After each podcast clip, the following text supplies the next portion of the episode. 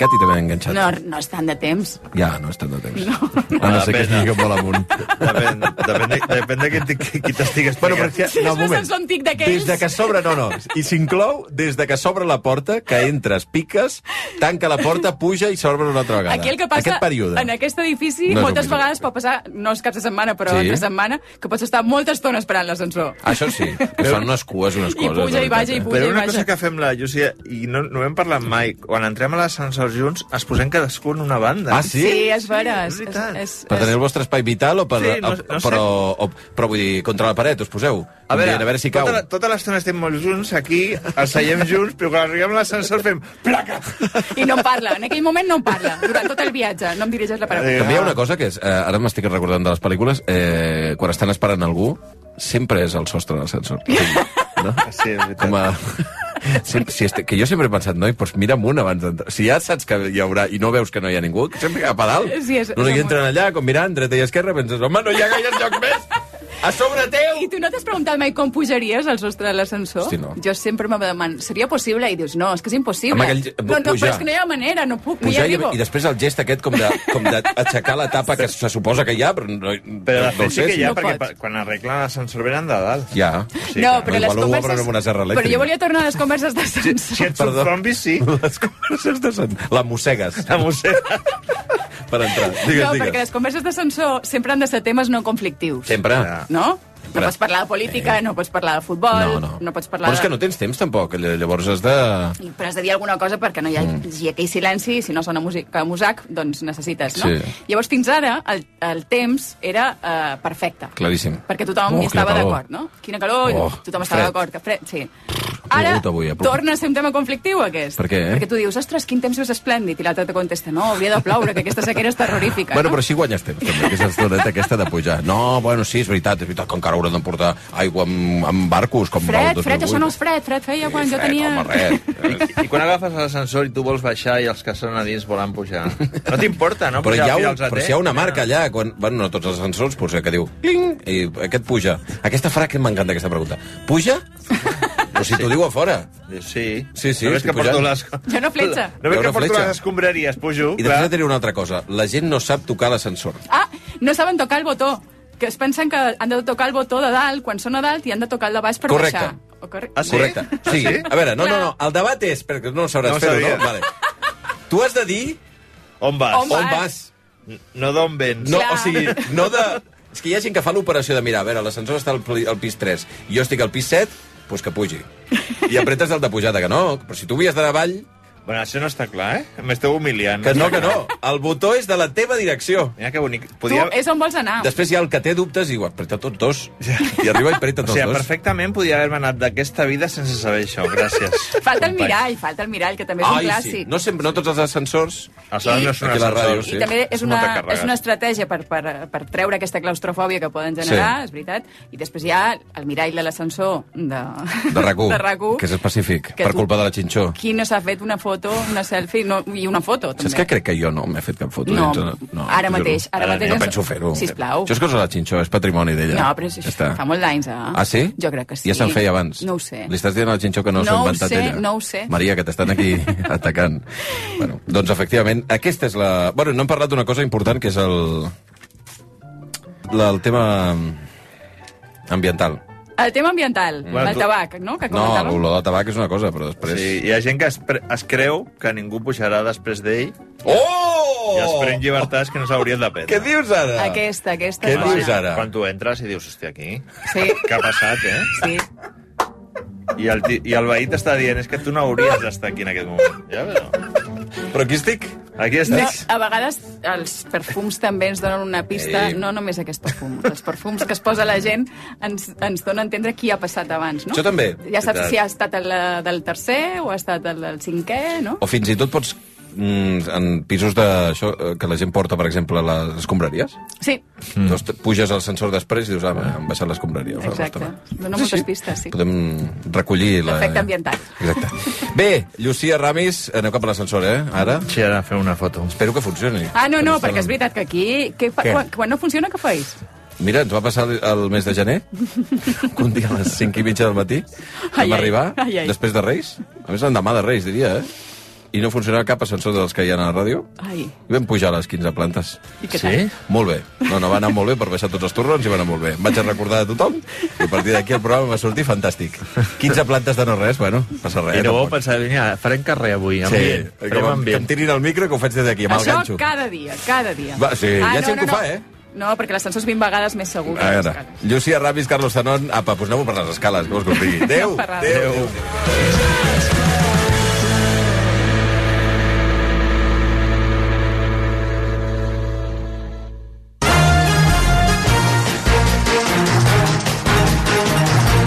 Vinga, a les 11 i 5 minuts del matí actualitzem la informació al costat d'Adrià Garcia. Adrià, bon dia. Bon dia. Ernest Maragall denuncia la injúria que representen els cartells que banalitzen l'Alzheimer del seu germà. Sí, l'alcaldable d'Esquerra Barcelona considera que la campanya i els cartells que van aparèixer la nit de dimecres a dijous a Barcelona no només el perjudiquen a ell, sinó a tot el col·lectiu que pateix la malaltia. N'ha parlat fa una estona després que aquest matí RAC1 us hagi avançat que divendres va presentar una denúncia als Mossos d'Esquadra contra els fets. Barcelona, Sergi Giró, última hora.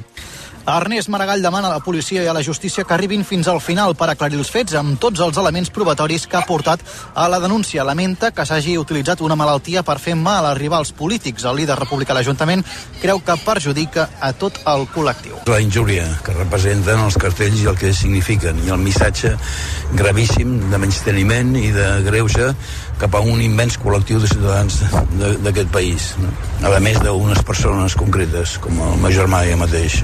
I demana que les responsabilitats vagin més enllà de les persones que van penjar els cartells, que s'identifiqui també qui va idear políticament aquesta campanya. I els bombers ja han donat per controlat l'incendi que va començar ahir la tarda a Cubelles, al Garraf. Les flames han cremat 3 hectàrees de vegetació a la zona del Corral d'Encona, a tocar de la C32. A més, la vintena de veïns que es van desallotjar ja han pogut tornar a casa. Tot i això, els bombers hi mantenen encara 6 dotacions per remullar els punts calents i evitar així possibles revifades. En una entrevista al Via Lliure de rac el cap de l'àrea regional de Barcelona, del cos d'agents rurals, Jaume Bosch, adverteix que els focs en aquesta època de l'any són cada cop més habituals i que cada any hi ha més dies amb risc d'incendis. El canvi climàtic doncs, cada vegada el tenim més aquí i, certament eh, el que sí hem, hem comprovat els darrers anys que cada dia ens augmenten el nombre de dies en perill, en perill d'incendi forestal. O sigui, que eh, any que passa doncs, tenim número més, un número més de dies que el, el perill d'incendi doncs, el tenim alt o, o molt alt. Avui el risc d'incendi, però, va a la baixa. De les 21 comarques que hi havia ahir en alerta, ara només en queden dues, el Baix Camp i el Baix Ebre. I envien a presó un lladre que drogava i robava a homes, a qui prèviament havia conegut a través d'aplicacions de cites o en locals d'oci nocturn. Els Mossos l'han detingut després de rebre sis denúncies diferents per robatori amb submissió química.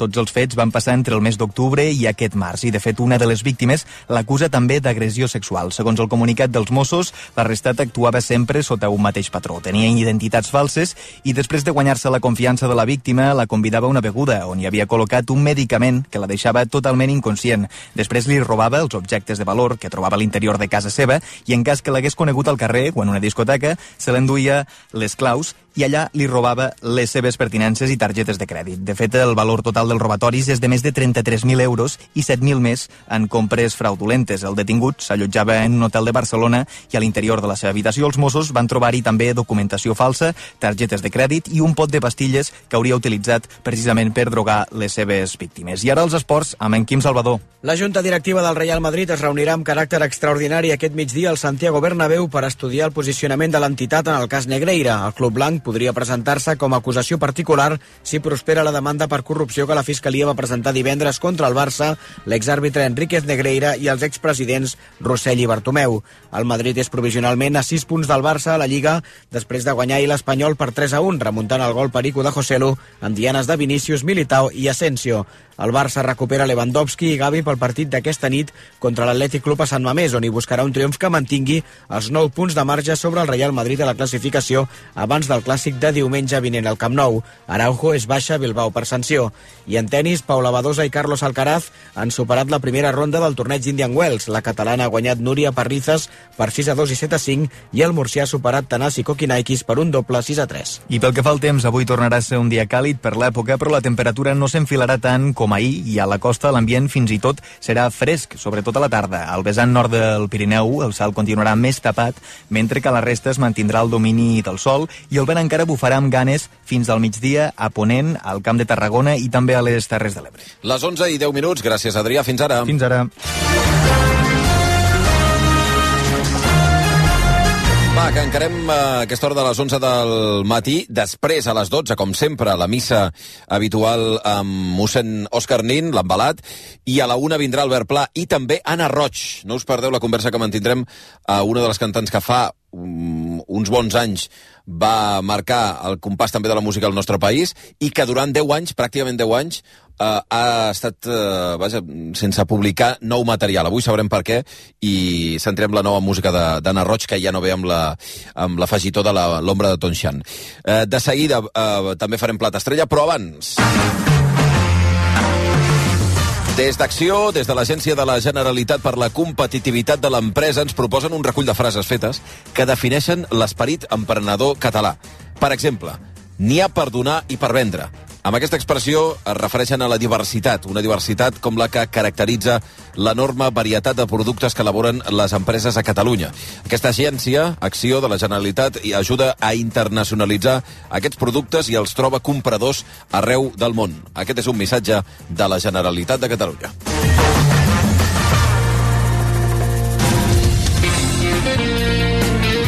RAC1. Tants anys que es fan campanyes de reciclatge que tothom ja sap que les ampolles i els pots de vidre van al contenidor verd. Aquesta campanya és només per recordar que tan important com saber això és saber que cal dipositar-los dins del contenidor verd. Cuidar el nostre planeta comença per cuidar la nostra ciutat. Cuidem Barcelona. Ajuntament de Barcelona. Pare, què és el poliamor? A veure, tu saps que el pare i la mare tenen un cotxe, no? Doncs aquest cotxe els agrada molt, però a vegades necessiten o veuen un altre que els agrada més. Doncs el van canviant quan volen, com la subscripció de OK Mobility. Un servei on pots gaudir del cotxe que vols, quan vols i on vols, tot inclòs. Tingues un cotxe sense tenir-lo. Subscriu-te a la multimobilitat a okmobility.com. Escolta, el sents? Sí, és el so del mar. I al vell mig de l'Eixample. Ara el restaurant El Cangrejo Loco et porta al mar a l'Eixample. Reserva a elcangrejoloco.com. Un restaurant únic a l'Eixample. Una mica més gran que Sicília i més petita que Suïssa, Taiwan és la perla de l'Indo-Pacífic. Una alteració del seu statu quo canviaria la faç del món. Serà Taiwan la Ucraïna de demà? Vanguardia Dossier respon a aquesta pregunta a la seva nova monografia. Ja a la venda a quioscos i llibreries. Vanguardia Dossier. Anàlisi per tenir opinió. RAC més 1. Podcast. Més testimonis. Jo crec que aquell dia el foc havia de fer el que va Més fer. protagonistes. moment se suposava que estava plovent fort, però... Més fenòmens. soroll molt fort, que va ser quan va trencar el que era la presa. A Oxigen, aquesta nova temporada analitzem situacions meteorològiques que hem viscut per descobrir què va passar i si es podrien haver evitat. És evident que avui els focs són molt més violents que fa 15 anys. Aquest podcast és possible gràcies a Naturgy. RAC 1. Tots som Més 1. Via Lliure, amb Xavi Bundó. Va, dos minuts i arribarem a un quart de dotze del matí.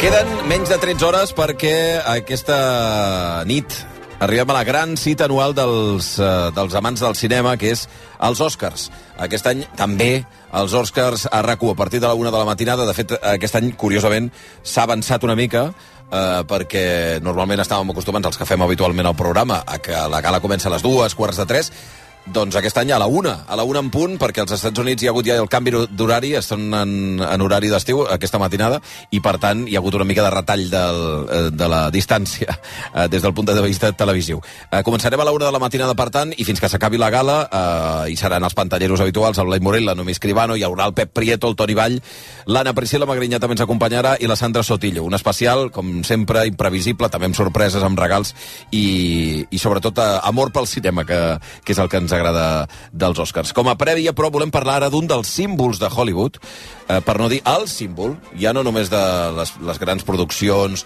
o de les grans empreses, els grans noms, sinó un símbol que és una història que ens porta exactament un segle enrere.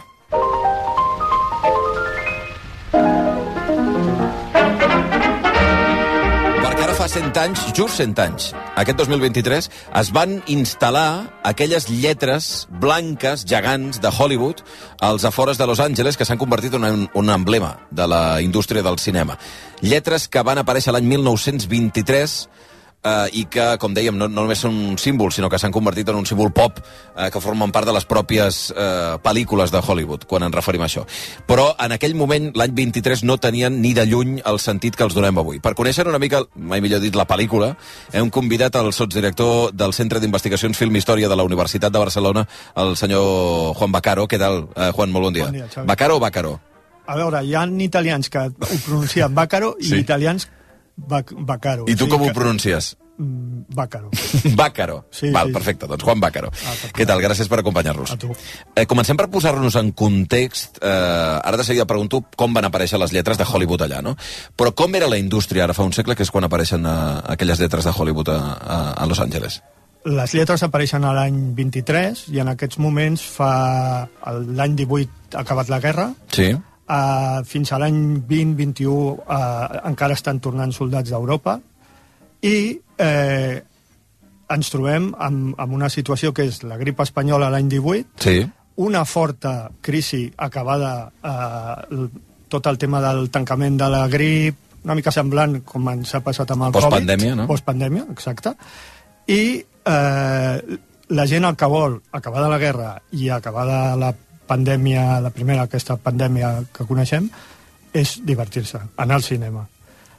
Eh, els propietaris dels cinemes aprofiten aquest tancament de, de la indústria, perquè hi ha un peron tant de, de l'exhibició com de la producció, per repensar les, les sales de cinema i oferir a un públic cada vegada més nombrós i més exigent unes condicions noves on gaudixin de, de pel·lícules que són cada vegada més importants, més grans i més espectaculars. Mm -hmm.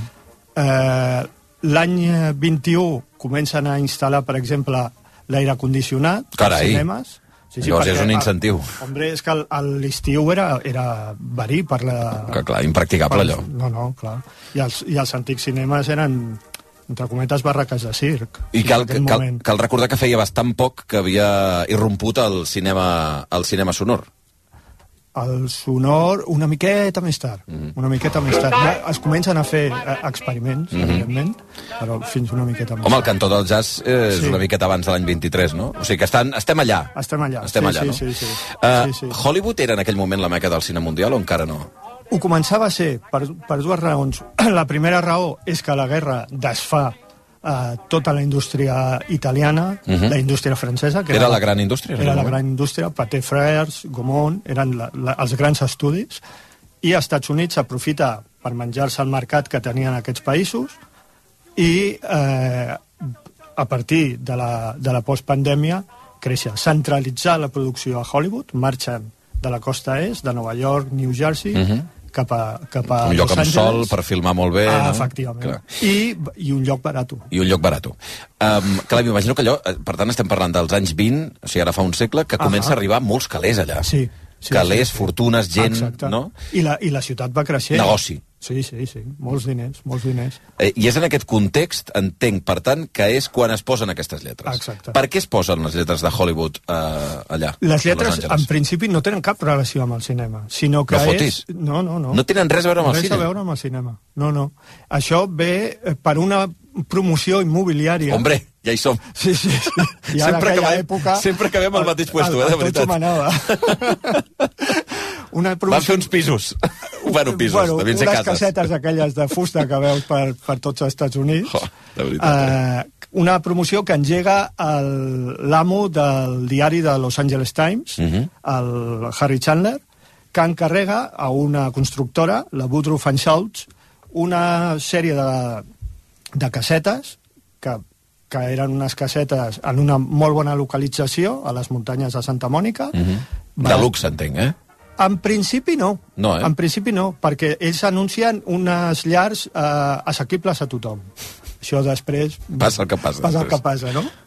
I eh, aquesta constructora encarrega a la Crescent Sign Company el disseny i construcció de Hollywoodland, de les lletres Hollywoodland. que Ah, no deia era- Hollywood? No, no, no. no Deia Hollywoodland. Exacte, que era el nom d'aquesta macrourbanització que es volia construir.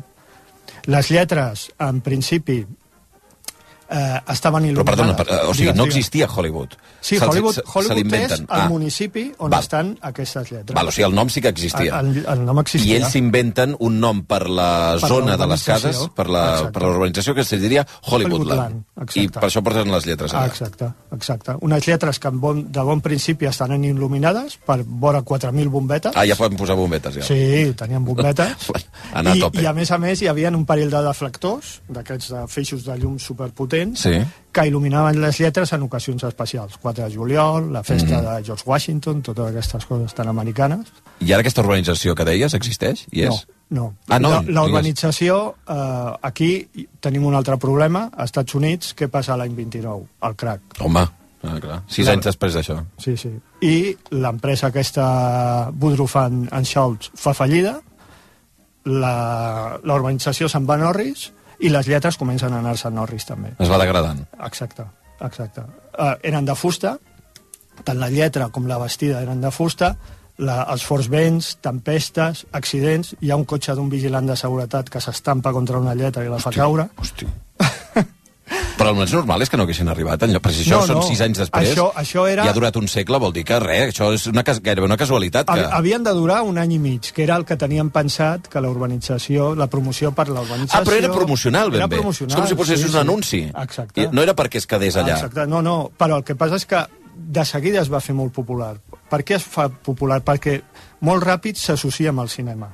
Per exemple, les revistes de l'època com Variety o Photoplay anaven a fer un reportatge, per exemple, a Mary Pickford a casa seva, amb els seus Mhm. gossets, el seu jardí, i què, fe què feien? Un fotocollage amb les fotos de Mary Pickford i darrere fons sortien normalment les lletres de Hollywoodland. I la gent de seguida va relacionar aquestes lletres amb l'Star. System que estava naixent en aquests moments també. Eh, I això és el que ho salva, entenc, llavors, que, el, que eh, s'assumeixi que hi ha alguna vinculació Exacte. entre aquesta promoció urbanística, que no té res a veure amb el cinema, i les estrelles de cinema. Sí, us, ho, bueno, us salva la Cambra de Comerç de Hollywood l'any 49, Uh -huh. perquè a mitjans dels anys 40 les lletres estan fetes miques i fins i tot la, la Comissió de Parcs i Jardins de Hollywood i alguns veïns diuen, bueno, això... Fora ja. Fora, Fa vergonya, fa, això. Fa fàstic, això. Clar, clar. I diu, però la Cambra de Comerç... Vés a saber què hi havia, perquè allò era una muntanya, un inici de muntanya, les, Mhm. les lletres estan fetes una porqueria, ningú les està arreglant, és que devien haver-hi rates allà, o sigui, hi havia animalons no, de tot tipus. No, no, et veu alguna fotografia que estàs blanc i negre Mhm. i allò feia pena. Mm. I, I és la Cambra de Comerç, llavors, de Exacte. Hollywood, que, que se'n fa càrrec de fa la càrrec. restauració i durant, és en aquest moment, l'any 49, quan s'elimina el land del, Ah. del Hollywood Land i ja queda com el veiem més o menys avui en dia.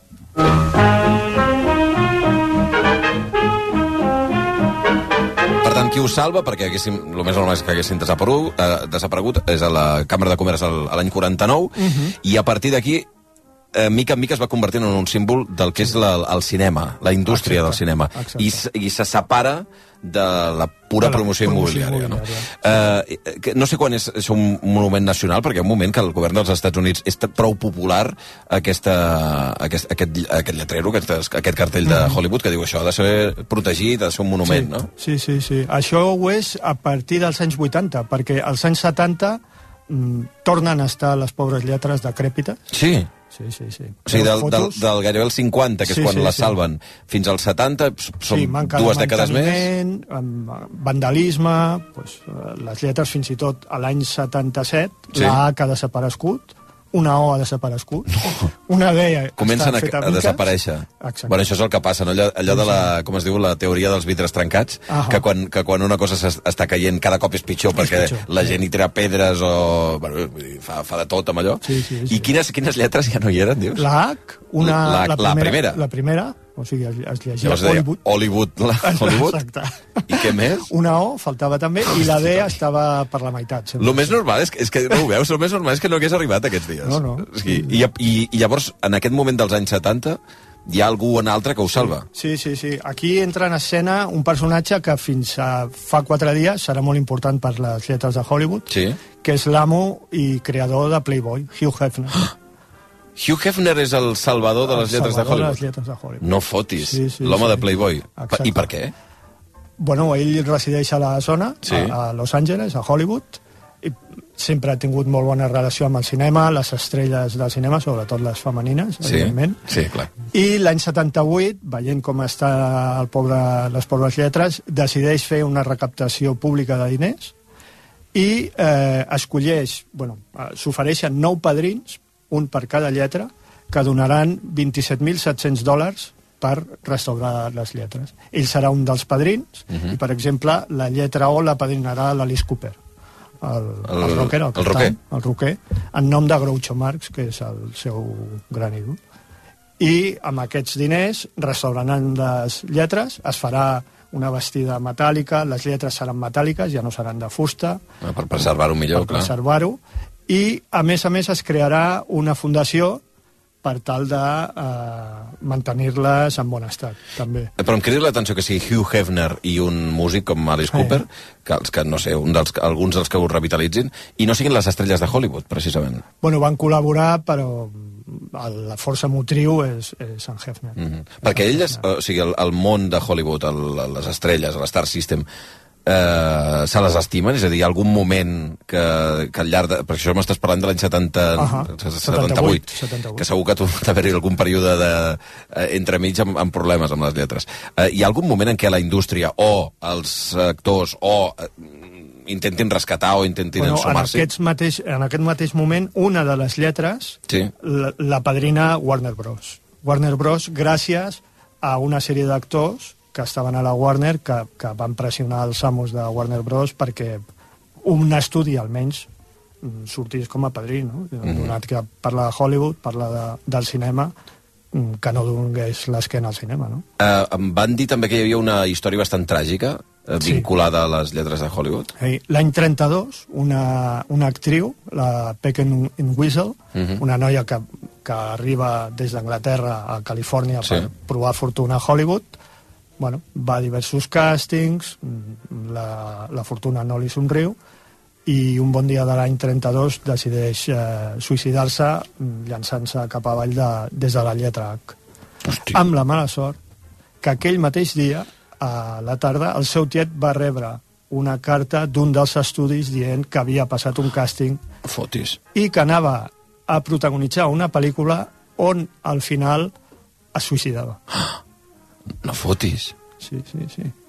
I fins i tot diuen, una de les llegendes urbanes de Hollywood és el fantasma d'aquesta lletra, d'aquesta lletra, perdona, d'aquesta noia. Sí, com has dit que es deia? Peck En- en, en Whistle. En Whistle. Una, una actriu del, dels Sí. anys eh, 30. O aspirant actriu. Aspirant actriu dels anys pobra. 30. Sí, sí. Eh, I ara què és eh, aquestes lletres de Hollywood? És a dir, ara, eh, evidentment, continuen sent un símbol. Ah. No sé si tan venerat com als anys 80 o 90. Sí, bueno, és una superatracció turística, Sí? per desgràcia, de, de la gent que viu al Dels voltant. dels veïns. Eh, o sigui, va molta gent allà. Va molta gent, fotos però no i- molt a prop, perquè estan, sembla ser encerclades per, per filferros. Però que estan lluny de la zona habitada, diguem-ne. Sí, estan una mica lluny, si Ah. tu veus fotografies. has de fer excursió. S'ha de fer una excursió des d'un un dels altres monuments de Hollywood, que és el l'Observatori Griffith, que Mhm. ha sortit a moltes pel·lícules, Sí. a La La Land, per exemple. Sí, bueno, no és la del... Rebelde sin causa. Rebelde sin causa, Exacte. no? Sí, James sí, sí. Dean. Pues ja, sembla ser hi ha un, un, una mena de caminet de ronda que porta fins a prop de les lletres Sí. i els veïns bueno, han intentat que, que allò es controli una mica Però s'hi pot accedir caminant? A, a uns eh, 50-60 metres Més enllà ja no. més enllà ja no, perquè està prohibit tocar-les, fins i tot. Ah, Hi ha una pena, hi ha policies, hi ha patrulles policials al voltant. Sigui que ara sí que està protegit, això. Està protegit i han anunciat que aquest, a partir d'aquest estiu eh, es, es construirà un cercle, un cercle, un centre de visitants, Sí. una exposició permanent sobre la història de les lletres i un museu i una sala de, de cinema, també. Tu hi has anat? No, desgraciadament. T'agradaria o- M'agradaria. Sí, eh? Visitar els estudis, la Paramount, sí que Mhm. m'agradaria. Eh, seguiràs els Òscar avui o no gaire? Bueno, intentaré cas. seguir-ho. Estaré al cas. Estaré Estaràs al cas a veure Tens si... alguna algo- favorita? T'agrada alguna pel·li o aquest any no gaire? Mm, M'hagués agradat que hagués anat al Carràs, Ah, sí, sí, això sí. evidentment. I, home, m'agradaria molt que l'Anna d'Armes guanyés l'Oscar per Blond. millor actriu, perquè la pel·lícula jo crec que se l'ha tractat una mica malament i Sí, és eh? una gran pel·lícula. Mira, ja, de fet, als nostres pantalleros no els va agradar gens la No? pel·lícula, però els va agradar molt Anna de Armes. Ja està. I, de fet, aquesta nit passada, no sé si ho ha seguit, que els Razzies li han donat la, mill- la pitjor pel·lícula a Blond, precisament. Bueno, és que jo crec que l'han venut molt malament. Mm -hmm. S'ha venut molt malament. Bueno, i té a veure precisament amb això, eh? amb, els, amb uh, la il·luminació dels, del Hollywood clàssic, d'alguna manera, no? exacte. El suposat glamour i el que hi hagi al darrere. Uh -huh. Bé, avui ens ha acompanyat el Juan Bácaro, que és sotsdirector del Centre d'Investigacions Film i Història de la Universitat de Barcelona, el dia que hi ha eh, l'entrega dels, dels eh, Premis Òscar, aquesta eh, pròxima matinada a Los Angeles i, evidentment, a, a rac i que ens ha explicat la història d'aquestes lletres famoses eh, d'aquest Hollywood que algú pot... Bueno, tots ens pensàvem, segurament jo el primer, que havia estat sempre un símbol del, eh, precisament de la, de la indústria del cinema a Los Angeles i en realitat eren, com sempre, una promoció urbanística que, mira, va fer fortuna i al final entre uns i els altres la van acabar salvant. Moltíssimes gràcies, Juan, ha estat un Gràcies plaer. a vosaltres. Dos quarts de 12 del matí tocades i fem una petita, res, una petitíssima pausa i de seguida anem al plat estrella amb un dels grans, mira, parlant d'actors i de membres de l'Star System, un dels grans actors de casa nostra i de l'Star System, com és Pere Arquilloé. Fa un paperàs immens, com sempre, eh? però en aquest cas al Teatre Romea aquests dies, amb una adaptació de l'adversari de Manuel Carrer, que és una autèntica delícia. De seguida, plat estrella amb Pere Arquilloé.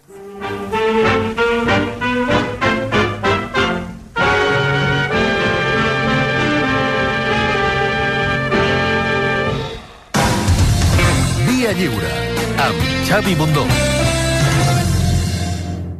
Catalunya sempre hem parlat l'idioma dels negocis. No posis tots els ous al mateix cistell. Bufar i fer ampolles. I a Acció, l'agència per la competitivitat de l'empresa, també. Per això, si tens una empresa i vols transformar-la per fer-la més competitiva, entra a acció.gencat.cat, perquè parlem l'idioma dels negocis. Generalitat de Catalunya, sempre endavant. París érem nosaltres. Durant la Segona Guerra Mundial, junts van descobrir l'amor, la llibertat i París. La nova novel·la d'Andreu Claret. París érem nosaltres.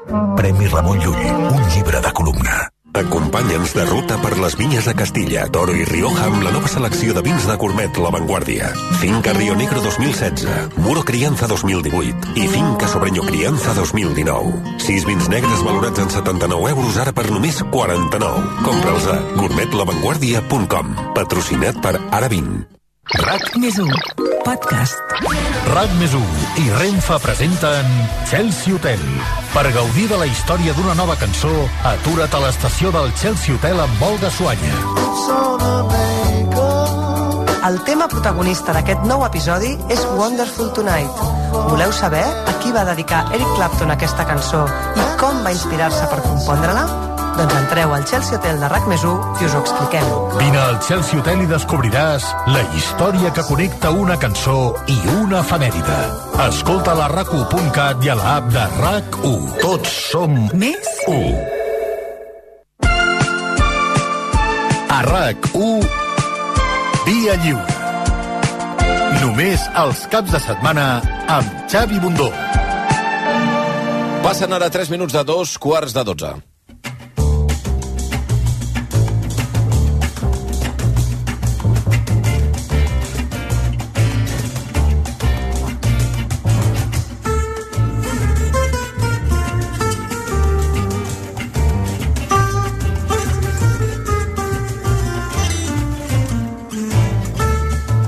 Obrim per ser a aquesta hora del matí, ja sabeu que és el plat estrella, des de Casa Aguinar, des del costat del Mercat de la Boqueria i de la Rambla, el nostre temple, temple gastronòmic habitual.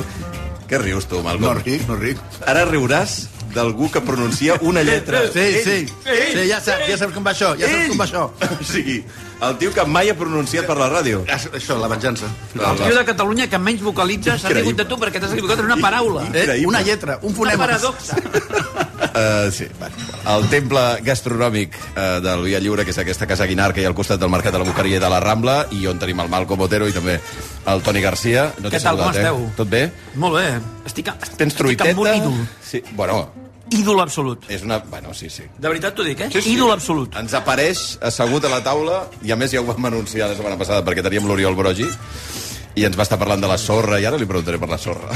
perquè diuen que va haver-hi lesió amb La meva, la sorra. sorra... Va haver-hi molta conya. Com collons la traureu?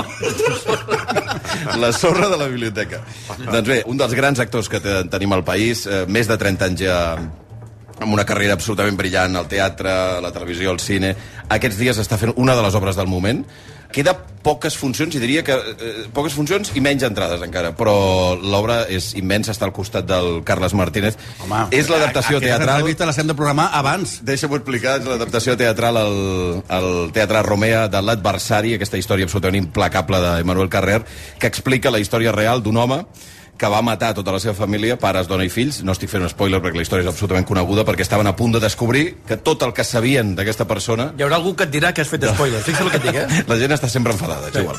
Tot el que sabien d'aquesta persona dels, dels darrers 20 anys era absolutament mentida. Què tal, Pere Arquilloé, com estàs? Bon dia. Hola, bon dia, què tal? Bueno, hi ha un senyor que t'admira i que és, és la pitjor manera de començar una entrevista, però bueno, és així. He de dir una cosa, el primer que vaig veure al teatre, quan es va acabar la funció, va ser gent dient que se n'anaven cap a casa a abraçar els seus fills. O sigui, amb la tensió de dir, me'n vaig a casa que devo abraçar els nanos. Ja és una cosa bona, no? Que vulgui abraçar els fills. Sí, s'ha de fer de tant en tant, s'ha de fer abraçar els fills. No, és una obra que et deixa fotut, és una obra que és Oi, et deixa tremenda. Moltíssima gent la coneix. No has fotut cap spoiler, perquè la primera Bueno. cosa que dic quan comencem eh, és això, és explicar doncs, que, que mata la dona, els fills, els pares i el gos, a més a més, que no sé, no he entès Algú, mai es va cridant al teatre, spoiler! Sí, sí, dient-li amb ell. Sí, quan ja ha espera. sortit a explicar-ho, Pere, no m'ho començar- expliquis! Només començar, obrim amb això. Vull dir, això també fa que s'allunyi una mica del true crime clàssic, o, de, o del programa Crims, per exemple, o de tantes i tantes sèries, no?, que el McGuffin és aviam qui és l'assassí o aviam què cony ha fotut aquell paio, no? Hi ha una cosa, t'he de dir, Pere, que a mi em va sorprendre, tot i que ho entenc, i no sé si és volguda quan esteu planificant l'obra, que és que hi ha moments en què la gent riu. Sí, sí, sí que riu molt. Però, I, I llavors, jo vaig pensar, bueno, és una, és una sortida raonable per la gent, perquè si t'haguessis d'estar dues hores en pura tensió, igual t'agafa un sí. atac de cor, però no sé si és planificat o t'hi trobes i te n'adones que dius, hosti, la gent està rient, què fem ara, No, no? al revés. No, no, no, al revés, la feina vam tenir a contindre-ho, tot això. Perquè tot això és, és real, el que expliquem és tot real i el, el, aquestes petites coses que fan riure, que fan riure molt, jo crec que són més d'olla a pressió. De, la gent necessita, necessita treure pressió perquè dues hores amb tanta pressió necessites... A part que la història és com inversemblant, hi ha moments que dius, però bueno... Però No t'ho podries creure. No, no t'ho pots creure, dius, però com, no. com és possible que coincidissin tantes i tantes coses? I llavors, fot, fot riure. La nostra feina ha sigut precisament no apretar-ho gens. Intentar mesurar-ho al màxim perquè no se'ns n'anés de les mans i es convertís en una cosa frívola fins a cert Sí, punt. una paròdia, que, no? Una paròdia o que ens en poguéssim anar a una cosa que dius, hòstia, no el tanto perquè sembla que te n'enfotis d'això. Però realment, després de dir que ha matat la seva mare, està documentat perquè passen al judici, li, li van caure les dents postisses, les hi vaig tornar a posar i també la gent fa... Això també passa molt, eh? Una rieta. Sí, perquè, perquè estàs amb tanta El pressió. moment dents postisses el recordo perfectament perquè Per exemple, jo se'm va, però- vaig moure una mica el, el llavi i vaig pensar, no riguis, que conya... I tothom, aja, i penso, hosti, vaig estar a punt d'aixecar-me, senyors. No, No, senyors. No rigui, senyora. Però vostès saben el que ha passat aquí? És, és una descompressió sí, sí. absolutament normal. També recordo molt el files de darrere, el... Hòstia, joder... I penses, això a un actor que està a l'escenari, que segur que us arriba, evidentment, sí, aquests comentaris d'aquí i d'allà, Sí, sí. et desestabilitza o penses, No. mira, mira, ho estem aconseguint? No, hi ha, hi ha les dues coses. Home, hi ha gent que és, a vegades és, hi, ha, hi ha gent que diu coses. No? A veure, a veure, a Te'n veure... faries, te'n faries creure. Digues, digues. No, No, una, una, digue'm una, d'aquestes. Sí, és igual. I, però per l'altra... Prefereix ni dir-ho, eh? Mira, com tu, Antonio, aquella vegada que em van dir que estava fent el Platonov i eh, tenia dues o tres amants a escena Sí. i hi havia un moment que me'n trobava dues de cop i sento una dona que diu mira com tu, Antonio. Coses A la del costat. A la- a la- a l'amiga, que la sé, com tu Antonio, havia sé que passat. devia pillar-lo amb dues Mira com tu, Antonio, cuidado. Mira com tu, Antonio. Bueno, coses d'aquestes que et poden, et poden desestabilitzar, però que alhora també fa que, que la gent a vegades hi és, i és molt a dins, no? Els nos, per exemple, els he sentit molt, no? A vegades estàs fent una Els nos? fan, No, no, no, de- no, hòstia, no, ara no, no, no, tio. Que Te'ls hauries allò? de girar i mirar. Sí, sí, sí, sí, sí, sí, ara, sí, sí, què sí, et farà sí. això? No, és que a més, Vull jo dir crec que el pitjor és que en aquest la- cas no és ficció. matarà. Ara la matarà. Sento l'altre dia. Ara la matarà. Dius, home, si ho hem dit al principi, senyora, que la mataríem. Per qui no conegui la història, insistim, ara ha fet, ha fet ara 30 anys, a més a més, perquè és del 93, sí, sí. el succés. Mm. És un dels més bèsties i més eh, mediàtics, i no sé si els que han generat més commoció a França, mm. perquè aquest senyor que es, deia Jean, es diu Jean-Claude Roman, durant 20 anys va dur una falsa vida, tota la família deia, o creia que era un prestigiós metge que treballava a la OMS i que anava a Ginebra i tornava, etc. Vida bastant ordenada, bastant estressant, però en realitat no tenia ni feina, no s'havia tret la carrera de Medicina, havia enganyat a tot el seu entorn, havia gestionat els seus calés, i el 93 és quan sembla que li estan a punt d'enganxar la cosa i sí. reacciona d'aquesta manera no? Eh. aquesta història li volia preguntar al Malcolm també perquè ell, el editor, clar no és només el succés sinó que Emmanuel Carrer que es al·lucina amb la història un gran escriptor francès, diu jo he de fer-ne un llibre d'això, no? I llavors és quan intercanvia cartes amb aquest eh, tal roman, no? El llibre va ser una bestiesa. El llibre va ser un èxit bestial, va ser... O sigui, Emmanuel Carrer és un autor molt important, encara ho ha fet més llibres, Limonov, molt importants, però aquest, diguem-ne, és el seu llibre. De fet, sempre està com un dels candidats del Premi Nobel, i bàsicament va ser per aquest llibre. Eh, Ressona Truman Capote, no? Una sí, mica. té una cosa a sangre fria... Té una part gairebé filosòfica, no, Malcolm? Una part filosòfica. Crec que està més a prop de Hannah Arendt que de Truman Capote. Mm. Saps que hi ha, una judici d'Eichmann, no? hi ha una reflexió sobre la naturalesa del mal i tal que em sembla sí. bastant acollonant, que crec que és el que el converteix en una obra única. i que s'aguanta molt bé amb el temps el tema de la fake ara, per exemple aquesta cosa de la imatge que vols mm, transmetre, que vols projectar i la imatge que et veus a tu mateix que, bueno, no posem el tòpic dels mòbils i tot això, però, però sí que hi és d'alguna manera La pressió del que pensa la gent que, que ets aquesta, aquesta exactament, no? ratlla tan fina, aquesta franja tan fina que hi ha entre el que és veritat i el que no és veritat, o, diguem-ho d'una altra manera, el que és realitat i el que no és realitat. I aquí també Carrer hi fot una mossegada important, que jo penso que fa que que avui en dia tingui molta presència encara aquest tema, no? I aquestes dues cares, la que tu vols projectar en fora i la que tu et sents realment quan et mires al mirall o et mires endins, és, uh, pot ser aterrador. I jo crec que el llibre de més té aquesta cosa, que ens ha passat a tots, en molt menor mesura, òbviament, però que et fots amb un, amb un merder i dius com collons he arribat fins aquí? I com surto? Qui no ha dit una mentida? I Comencem saps per aquí. justament, Va, hi ha un moment que tu saps que passat aquella frontera ja no, ja no podràs enrere. tornar enrere. Ja no hi ha marxa enrere. Aquí, aquí, aquí una mica la, la, la conya. Llavors la gràcia, perquè un tio molt, és un tio molt intel·ligent, és un, és un pàjaro d'una intel·ligència privilegiada. Sí, no és impossible. Imagineu-vos el que és aixecar-se cada dia durant 20 anys mentint. Suava com un porc, aquest home. Suava d'una manera excessiva i extraordinària. És de la pressió interna que tenia, i havia de ser un calvari un calvari extraordinari cada dia durant 20 anys de la teva vida aixecant mentint a tothom a tothom el que passa que les circumstàncies Sí, perquè aquest home, evidentment, no anava a treballar. Anava amb el cotxe... anava a passejar pels boscos, anava a les àrees de servei, deia que feia viatges i estava en un hotelet al costat de l'aeroport amb guies de viatges a la falda. Cosa que jo crec, i això no sé si estàs d'acord, eh, però any 2023 això seria impossible. Això seria molt més complex perquè el tema dels mòbils i a tot això. I fins a quin punt per un actor és inquietant? Tu, tu no fas el paper de... Eh, el, fa, el fa el Martínez El que està sí. eh, immens, però com és d'inquietant per un actor que ha parlat tant del fet actoral, de l'actuació, de la mentida, no? Mm. Trobar-te que, que el personatge aquest és un senyor que va estar fent d'actor durant 20 anys. Bueno, d'alguna manera és fer d'actor... sigui, és portar la, men- la mentida d'actoral fins a l'extrem. Sí, portar-la fins a l'extrem. El que passa que Eh, això no era és ben tot bé... el mètode, em sembla, Sí, eh? sí, molt, Molt del mètode. Molt, Molt, del del mètode. Però molt, eh? Era gairebé l'inventor. Es podria anomenar eh, Jo- la doctrina romana. Uh, no, no, no el qualificaria d'actor. Jo veig altres actors més... em veig més en política i en altres Ja. coses veig que fa més d'actor que no passa el, el Jean-Claude Roman. El Roman fa una altra cosa, no? Li passa una altra cosa. Jo he de reconèixer que un dels... I això ho he dit alguna vegada, eh, però crec que el meu terror més gran és... Gran Champin. Pensar, no, pensar que una persona és X i que sigui Z. És a dir, la de que, bueno, que tu has conegut determinat... O sigui, que el, el cas Roman, per mi és el pitjor terror El sempre, tinc a la meva vida. el sempre saludava, no? És el que et fa por? No, no, no és el sempre saludava, Sí. és coneixes una persona fins que un dia te n'adones que no el coneixies. Saps? Després de X temps. Eh, Que això no sé si a tu t'ha inquietat alguna vegada o t'has trobat en circumstàncies que dius... Jo m'he trobat en alguna circumstància d'aquestes, clar, com tothom, jo m'imagino que tothom. Davant de casa meva, jo sóc d'un poblet petit, de Viladecavalls, em vaig criar allà, ara visc a Matapera fa molts anys, però a davant de casa meva un, un noi que jo havia jugat amb ell de petit, després ens vam distanciar una mica, però va, va esquartar una noia i la va matar, va esquartar. Què dius? Sí, per exemple, i clar, jo potser no hauria de dir-ho ara això, eh? però bueno, és igual, fa molts anys mm. i, i són circumstàncies, ho poso com a exemple de que jo no hagués dit mai que pues com aquestes coses... I què fas llavors, no? Com gestiones aquesta, aquesta informació que et cau al damunt? Ah, és absolutament tremendo. I això perquè és molt extrem, això que explico, potser no hauria d'haver explicat, eh? però eh, hi ha coses més petites que, que diries, però què m'estàs dient?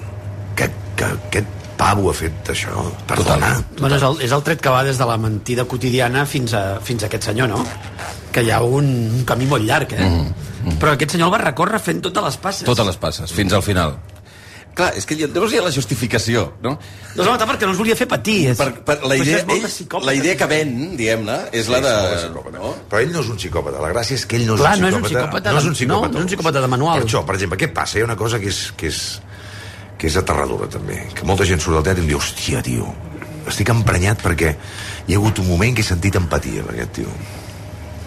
I no la volia sentir, en canvi he sentit empatia.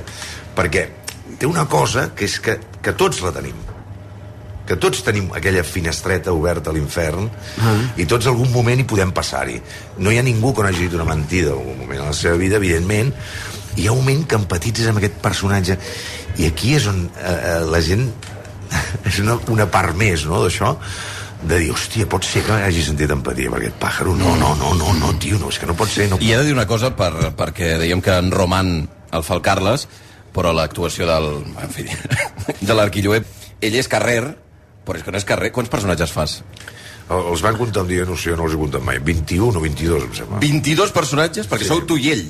Jo i ell som. Ell fa un personatge, està una mica mal repartit. Ell en fa un i tu 22. No, perquè hi ha una mica la gràcia de la dramatúrgia, no? La dramatúrgia era un element clau per poder posar aquesta obra en escena. Que és un llibre molt, molt difícil d'adaptar, crec. Molt, molt complicat. Havíem de trobar aquest truco, aquest, aquest element dramatúrgic i teatral que ens permetés realment passar per la història i no només explicar el thriller, sinó respirar-la. I ells van decidir, el Juli sobretot, decidir de, de que el Carles només eh, passés per, per aquest cap, per interpretés només el, el roman i en canvi jo fes tota la resta de papers de, de l'altre. Tota la resta, això vol dir no només carrer, sinó Sí. la mare, el pare, els fills, la dona, l'amant, el tu, farmacèutic, tu quan vas veure el la fiscal. Vas dir, escolta, una Ai, mica més de calés, de 20, de 20 clar, perquè Ah, potser és que els hi surt Paga- barat, tu. Clar, un paper, un paper... Una per de paper. tres, un paper són uns calés, 22 papers són uns altres Clar, calés. potser és que els hi surt No, però ha de, ser, ha de ser esgotador, eh? Sí, sí, és Perquè et canvies de roba pels que no hem vist No. l'obra i no la veurem. No, Perquè no hi ha entrades. no, si els canvis, els canvis són instantanis. Sí, a vegades n'hi ha que duren molt poquet, no? I tampoc Llavors faig torna. res de l'altre món, i com faig senyores no em poso... No, simplement Ni un petit canvi de... No, De registre Un petit i- canvi de registre, un petit gest i ja està. Però fer 22 amb una obra, això et faltava, no? No, a l'últim en vaig fer 7. Sí, sí. Has multiplicat per 3. ja es pensava que no... Em fa por la que més que propera. això ja no. El monòleg... 67 personatges. El proper 67. És el Cirque de Soleil, o sigui, el, cal, el cas de Pere Arquilloé s'ha de veure una miqueta eh? Ara amb sol. set boles, ja va, amb set boles, ja. Eh, um, per cert, que està nominat als Premis Max, que el Max pot ser... Tu no el tens, el Max? No. Com és possible, com és possible, això? Pràcticament deu ser l'únic premi del món actoral Sí, teatral que no tens, sí. no? Perquè Sí. si no recordo malament són cinc butaques, eh, Premi Nacional de Teatre, Ciutat de Barcelona, el Premi Jordi Dauder... Faria il·lusió, no, el Max? Sí, sí. No t'ho escèptic. No, no, saps per què? Perquè eh, en els Max es fa una preselecció de 15 primer i després arribem 3 a la final. I va arri- arribar una altra vegada, però... No, els Max és un premi molt, molt, molt curiós i durant molts anys només es donava la gent de Madrid, bàsicament, i bé. I, I això, però aquesta vegada, per exemple, estàvem nominats el Carles i jo. Ah. Tots dos. I vaig pensar, hòstia, és un moment idoni per fer un ex-aequo, això. Hòstia, ens... Clar, magnífic. Dos a la vegada. Clar, que dir, Però I en ja canvi no, el no? Carles no, no ha passat a la, a la final. Com et mous amb això, ara que estàvem parlant de l'edat i el pas del temps, els, els premis, el, el camp de l'ego, sabent de la consideració que té la professió... Ara molt bé, ja. Però en algun altre moment no tant, eh? No, no, no, no tant perquè ho passi malament, que no ho he passat, jo m'ho he passat sempre de, de collons fotent aquesta feina, a més a més jo penso que sóc un home que tinc molta, molta sort i el que passa que quan ets més jove vols canviar el món i espera't que ja veuràs, arreglarem això i els ensenyaré com s'ha ja com no, eh? fer el teatre i tot això, i ara això ja m'ha passat molt. I llavors en aquest sentit... Què és la, era la pressió de voler ser... No, de, hòstia, hem de ser pim-pam i aquí hem de... Eh, I no, i arriba un moment que això passa i llavors és, és collonut perquè treballes d'un altre, des d'un altre punt i treballes d'una altra manera i també disfrutes més, no? Ho disfrutes d'una altra manera. Vull dir que ara estic en aquest sentit, estic molt tranquil i al revés, el que necessito cada vegada més és allunyar-me de, del focus mediàtic i tot això, estar molt, molt tranquil, molt sol i fer, intentar fer la meva feina el més bé que pugui, clar. Jo ho dic que perquè crec que vas començar força jove, el Romer em sembla que t'hi plantes amb 23 o 24, no? Abans, abans, Abans i 22, tot, eh? 22. 22, sí, vaig estar en el- Com feia els papers d'un en un. Quina època, eh? Aquella època.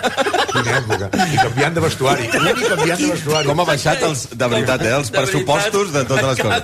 Bueno, mira, parlant de pressupostos, l'altra cosa que vas fer també molt jove era l'Arnau, a TV3. Sí, 25 anys. Hòstia, 25 l'Arnau. anys, que, que l'altre dia m'ho mirava, jo no, no donava crèdit, eh? eh? Vaig anar a mirar la maroteca per veure què deia la premsa aquell moment, que era la, prim, la màxima superproducció de la història de TV3 en aquell Són moment. Eren 700 milions de peles del 94, Són molts que són calés, eh? més de 4 milions d'euros Són molts calés. no, de l'època. Encara no es fan, ja no es fan produccions d'aquesta... Quasi, quasi 900 milions va ser al És final. que, sí. és que Això era una superproducció que es va fer, jo penso que és la producció més gran que s'ha fet mai a TV3. pot ser, eh? pot ser que no sigui superada. eh? I sí, sí, allò era al·lucinant, encara rodada en cine, encara. Sí, sí, sí, sí. Encara en pel·lícula, eh, rodada en pel·lícula. En 35 mil·límetres, Ah, en eh? 35, sí, sí. I la gent pel carrer dient Arnau, Arnau, no? Allò, Tot el allò, que era 300 extras, avui venen 250 cavalls, Avui venen carrosses, 250 cavalls. per l'autopista. Sí, sí, sí. Però això, hosti, és fort perquè, clar, tu que tenies 25 anys igual. 25. No, no recordo perquè la- per l'època, però clar, és TV3 anys 90, el Xer devia ser estratosfèric Sí, molt, molt, sí. i que la gent tot el rato deia Arnau pel carrer, o sigui, estic Eh. convençut, no? I això amb 24 o 25 anys, quan tu vols fer teatre, igual és un problema. Allà vaig prendre una decisió que m'ha marcat tota la vida a mi. Eh, jo vaig tenir l'opció d'anar a Madrid, a fer cinema, a fer imatge, a dedicar-me més a la imatge i em vaig decidir quedar-me aquí a fer teatre. I això m'ha condicionat sempre, Hòstia. sempre bastant. No t'has bastant. mai? No, no, tio. Mai, mai. No, mai, mai, mai. A què vas dir que no? Mai. En aquell moment? Hòstia, no me'n recordo. No me'n recordo, però em va sortir un representant a Madrid. Eh, Vente pa Madrid a vivir, no? Sí, bueno, aquestes coses, de baixa cap aquí, tal i qual. Aquí passen I- coses, espera. Però has fet cine, has fet cine amb... Sí, amb sí, sí, he fet cine amb el. Buñuel, n'he fet dues. Ai, amb el Buñuel, amb el Saura. Vull dir que he anat fent i, Has hòstia... fet la pel·li de Buñuel pel Saura, Exacte, volies dir, no? sí, sí. volia dir això. I que, bueno, que també, pues, quan puc m'ho combino. Però aquell moment va ser un moment, això ho he explicat poques vegades, i és, és, va ser un moment bastant clau, sí, sí.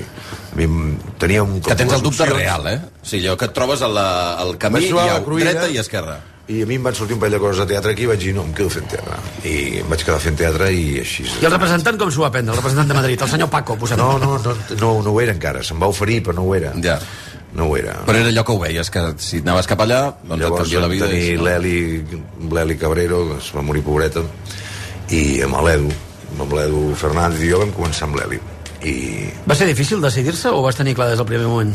és un món que era molt inconscient, jo. Eh, llavors, com tots, eren 25 anys, Sí, sí. jo venia d'un món teatral molt, molt clar i jo tenia ganes de ser actor de teatre i jo volia fer la meva història, no? I ara suposo que les coses van molt diferent. També era un moment que no era com ara. Eh? No hi havia les plataformes que hi ha ara i tot No hi això. res. Però, hòstia, es fotia. Llavors es fotien sèries molt importants TV a nivell espanyol i, i pel·lícules de cine collonudes, no? Però mira, vaig tirar per aquí i així m'ha anat. I ja està. Mm. Però... T'ha anat bé. Sí, Això també és- sí, molt tranquil i no, no, no he trobat a falta mai. De tant en tant he pogut anar... Mira, ara faig una pel·lícula al juliol, eh, segurament, si tot va com ha d'anar, amb l'Aitana Sánchez Gijón, i de parella, vull dir que... I dius, hòstia, doncs de tant en tant ja pisco i foto pum pum, no? Vull dir, ja I mates el coquet aquest. Ah, exacte. Mm -hmm. El Pere Arquilloé, que venia d'una família, si no recordo malament, de pagesos, Sí. a Vila de Cavalls, Sí. deies, però tot has mogut per Terrassa, per matar de Pere, per tot això, tota Sí. la vida, no? Els pares, gent pragmàtica, és a dir, que els hi arriba el Pere i els hi diu me'n vaig a l'institut, hòstia, Pere, no, què tal? Al revés. Al revés? Jo vaig començar a fer teatre molt jovenet, aquí al poble, i se'm, eh, em fa, fa de mal dir, però de seguida la gent, tothom va veure que se'm donava bé, mm. molt bé la cosa. Llavors vaig provar de fer dues o tres coses diferents i no me'n sortia, i quan vaig dir, hòstia, me'n vaig en em van dir, ara, ara sí. Sí, eh? Ara sí, amb això... No t'ho volíem dir, però era amb el que això, amb fer. això aniràs més bé. I fins aquí. Sí, ells et van donar suport, no és allò Sí, que sí, diguessin sí, no vaig un, un ofici que sàpigues que Estic guanyaràs... exagerant una mica, això, potser no va ser tan ara, ara, Sí. però... Home, perquè de terra en devies trucar, tu. Vull dir, si eren pagesos devies estar allà... Sí, sí, jo vaig treballar per, per treballar, ajudar a casa fins als 19 20 anys. déu nhi Que el meu avi es va treure totes les vinyes i els horts, no? Sí, sí, i tant, s'hi havia anat, collons, s'hi havia anat. L'esquena- L'esquena ho sap. A mi em fot una gràcia quan veig aquesta gent, no, i vaig estar arrencant patates, una, una connexió amb les estrelles, amb les d'allò, i penso, una connexió, haguessis aixecat a les 5 del matí com fotent a aixecar a mi, tio, estar-te 8 hores allà arrencant el, el collons de patates. Jo t'explico jo la connexió. Una connexió, he tingut una connexió amb les patates, les patates, dius, no, no, No t'abraçaves als arbres, eh, Pere? no, no, no, a veure, Sí, per dormir. per quedar-te dormit dormit allà. allà. aixecar a les 5 del matí per anar... Ah, això és un altre tema. Escolta, parlant d'aquest d'aquest tema, que a mi és un tema que m'interessa molt... El dels patates. El tema sorra, no. El tema, Sorra, sorra, parlen sorra. Del, del tema al terra, el tema sorra. Sí. Uh, quan fa el Cirano, amb Oriol Brogi, any 2012 deu ser això, un dels... Sí. Bueno, Es rumoreja, Una cosa, un moment, un moment. És una de les... O sigui, van tocar una peça, que clar, no l'havia tocat ningú des de flotats. Sí. Que dius, mare Déu senyor, que a veure què faran aquí. Sí, sí. No? I a l'Oriol se li acudeix, com en tota la seva trajectòria, fotre-li sorra. I diuen... Molt raro. és raríssim, però no sigut amb ell, no? I diuen que hi ha lesió. Hi ha lesió o no hi ha lesió? Sí. Hi ha lesió per culpa de la sorra? Sí, sí, sí. Clarament sí, eh? Sí, vaig el Brogi, l'altra- la setmana passada, ho va mig... Bueno, a veure... Potser era- una va insinuar, Una va lesió insinuar que Va potser era va res. està, està una miqueta fotut del genoll, ell llavors diu que la sorra, sí, que collons, tal... No, no. Vas denunciar? Eh, no, no, evidentment que no. Però sí, em vaig trencar el... Com es diu això? L'osset aquest dintre del- El menisc? El menisc. Et vas fotre el menisc Com en l'aire, Sí, sí, em vaig fotre el menisc en l'aire. Això és culpa del que anava regant.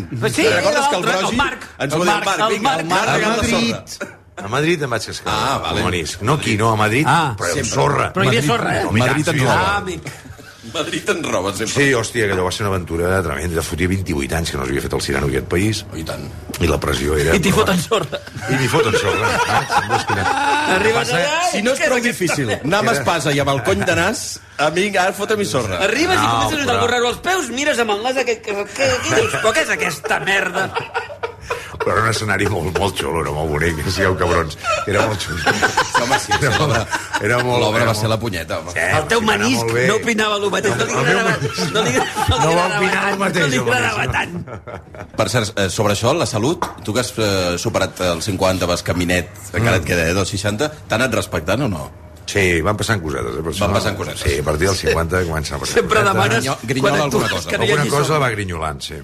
Que és lo normal. Dir, ens vam fotre ara... Bueno, ja fa 5 anys, esclar. El sopar dels 50, el cou i tot això, i era tremendo. Venia Tothom. un- L'altre, hòstia, el ronyó, me l'han tret. I dic, tio, què dius? Però una cosa... Tot era una col·lecció, el Museu dels Horrors, no? Però una cosa tremenda, perquè jo encara és el que estava, el que estava més bé, vull dir, hòstia, però... Sí, sí, tremendo. A partir dels 50 la cosa es comença a notar, sí, sí, es va notant i grinyola una coseta, grinyola una altra, però bueno, Mm. Deixa'm tornar al, Cira, al Cirano, perquè una de les coses que passen al Cirano és que debuta la teva filla, que és la Sí. Perquè tenia 16 anys, la criatura. Biblioteca de Catalunya, Sorra, sí, sorra. Cirano. Eh, Violí, perquè tocava el violí. Exacte. I dir, ai, ai, ai, a veure què passa amb l'Emma. I vas patir o no? No, no. no és Ho vas valenta. gaudir, llavors. Sí, és valenta de collons, és molt valenta, molt. Aquesta nana és molt valenta, és com son pare. I quan em va dir, és molt valenta. i quan em va dir que volia dedicar-se... No li vas posar pegues, eh? No, no li vaig posar pegues, l'únic que vaig dir és mira, n'hi ha de coses per fer al món, eh? Hòstia, Sí, segur, que n'hi ha de coses segur, per fer eh? al món.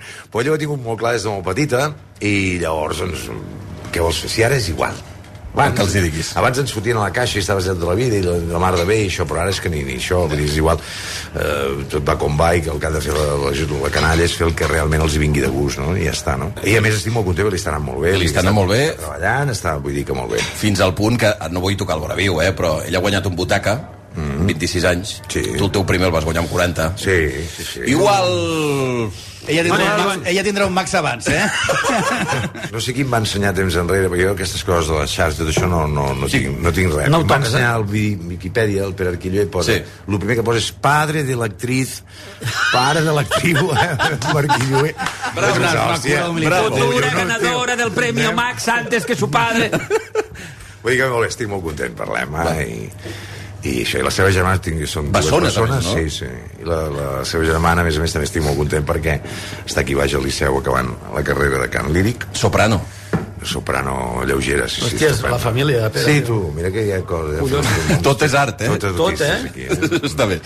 Una pregunta, abans, Xavi, explica'ns això, que tothom sap, però segurament l'heu explicat moltes vegades, però jo no ho sé, de que et buscava la Guàrdia Civil quan vas començar. Perquè a la, a la, A Ah, l'Institut sí. del Teatre. Sí, Perquè no vas, anar a la, no vas anar a la mili, no? O sigui, no, no, no, estaves anant a la mili. Aquest és el Jo, problema? jo tenia els papers en pròrroga, demanant pròrroga. I els papers es van perdre i van anar a parar a Viladecans en lloc de Viladecans. Any?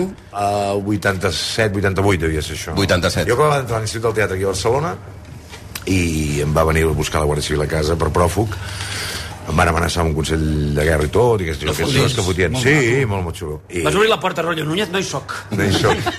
I eh, l'endemà, al cap de dos dies, estava a Valladolid fent la mili. Sí, sí, la vaig fer. Mili sense- llarga, no? D'aquestes, de 13 mesos? o Sí, són, sí, o- 13 mesos, sí. Però Però jo vaig això- poder fer el primer de l'institut per lliure. Em van deixar Ah. fer. Em van deixar fer el primer, estan fent la mili i baixant només els permisos a classe.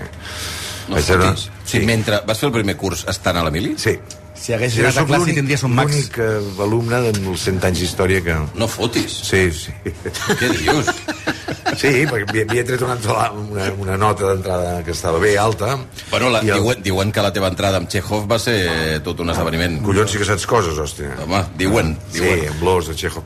I el, els La prova, la gent va quedar decidir- acollonida. Sí. Eh, els professors van decidir que se'm donava l'opció, l'oportunitat